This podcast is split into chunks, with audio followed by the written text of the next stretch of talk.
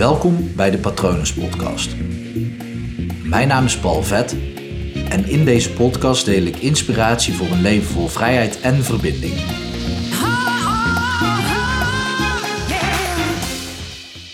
Wat blijft er van je over als al het uiterlijke vertoon wegvalt? Want dat is wat er nu gaande is natuurlijk. Alle stylistes, nou ja, misschien uh, tenzij het je partner is, maar over het algemeen alle stylistes zijn al een aantal weken weggevallen en die vallen ook nog een maand weg. Mocht je dit later luisteren, we leven nu op 22 april. Op 21 april kregen we te horen dat in ieder geval alle kappers en alle andere dingen die met schoonheid te maken hebben, um, nog een maand dicht blijven. Super heftig natuurlijk voor de mensen in dat vak, inclusief mijn zus met haar eigen kapsalon. Super na voor haar, super verdrietig ook. Um, ik vind het lastig om te zeggen wat nou wijsheid is. Ik vind dat Mark Rutte het goed doet. Ehm, achteraf kunnen we pas over een aantal jaar bepalen wat nog beter was geweest. En mensen met een eigen kapsalon, die zullen dit vervelende maatregelen vinden. Mensen die net iemand hebben verloren aan het coronavirus, die zullen zeggen: nee, de maatregelen moeten juist nog harder en strenger zijn. Het is, uh, het is heel erg lastig. Er, er, is eigenlijk gewoon geen één partij echt blij te maken op dit moment, wat ook logisch is tijdens een crisis natuurlijk. Maar wat dus wel het geval is, dat het uiterlijke vertoon weg dreigt te vallen. Want we kunnen niet meer naar de kapper, niet meer naar een schoonheidssalon, niet meer naar nagelstylistes of wat de benamingen ook allemaal zijn. Het valt allemaal weg. Bovendien zitten we veel meer thuis, dus misschien maakt het je ook iets minder uit hoe je eruit ziet. En dat is natuurlijk ook wel interessant. Maar als al het uiterlijke vertoon wegvalt, wie ben jij dan nog? En de nog bedoel ik echt om naar de kern te kijken.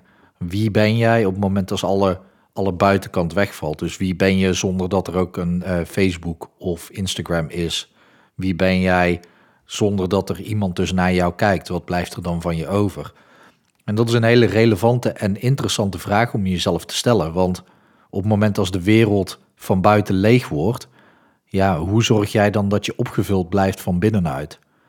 En als jij al jaren bezig bent met persoonlijke ontwikkeling of met uh, meditatie, met uh, allerlei vormen van religie, zo zou je het ook kunnen noemen, of een levensstijl, dan kan het zijn dat je juist van binnen ook al opgevuld voelt. Het kan ook zijn dat je nu steeds meer merkt van ja, heel de buitenkant begint af te brokkelen. Wat blijft er dan nog van mij over? En ik geloof dat op het moment dat je van binnen straalt, dat zich dat op ze, ja, aan je uiterlijk, dat dat gewoon te zien is. Dus ook al heb je een baard die, uh, die echt al twee maanden geleden eraf had gemoeten, ook al heb je haren die niet meer goed vallen, ook al heb je uitgroeien of dode puntjes, op het moment dat je van binnen straalt, dan straal je van buiten ook, ongeacht hoe je er van buiten uitziet. Daar geloof ik heel erg in. En het is ook altijd een hele goede vraag om jezelf te stellen: wie ben je als je niks meer hebt? En eigenlijk legt deze crisis dat ook gewoon bloot.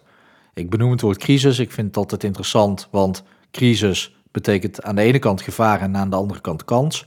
Maar goed, er zijn al legio andere mensen die daarover hebben gesproken, anders moet je maar even googlen. Maar het is dus interessant wat er nu blootgelegd wordt, letterlijk. Want heel de, heel, het hele uiterlijke vertoon valt er vanaf. Heb je een dikke auto voor de deur? Ja, top, die staat nu stil voor de deur. Heb je een dikke tv waar je naar kijkt? Ja, op het moment dat jij elke dag een paar uur naar diezelfde dikke tv aan het kijken bent. Ik weet nog dat ik ooit mijn eerste 42-inch tv kocht en dacht, oei, die is inderdaad wel heel groot. En een dag later dacht ik, ja, hij is aan de grote kant. En weer een dag later dacht ik, hij is goed. En weer een paar dagen later dacht ik, hij had nog veel groter gekund. en dat is denk ik met alles wat van de buitenkant er mooi uitziet. Dat is vluchtig, is oppervlakkig. En dat van, wat van binnen zit, binnen creëer je draagkracht, uh, creëer je verbinding met jezelf, uh, creëer je eigenlijk een rijk leven in jezelf. En ik denk dat dit ook de tijd is, als je niet in de zorg werkt natuurlijk, of niet een ander beroep hebt waar je nu keihard moet werken, zoals plexiglasplaten maken en zo, of mondkapjes. Er zijn natuurlijk heel veel beroepen die het juist drukker hebben.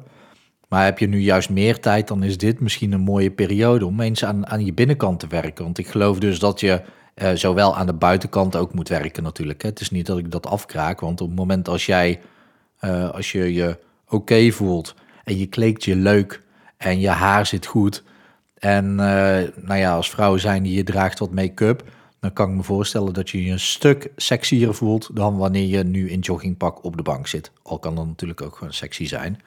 Maar door jezelf leuk aan te kleden en je op die manier voor jezelf te zorgen, dat doet natuurlijk ook wel wat met je.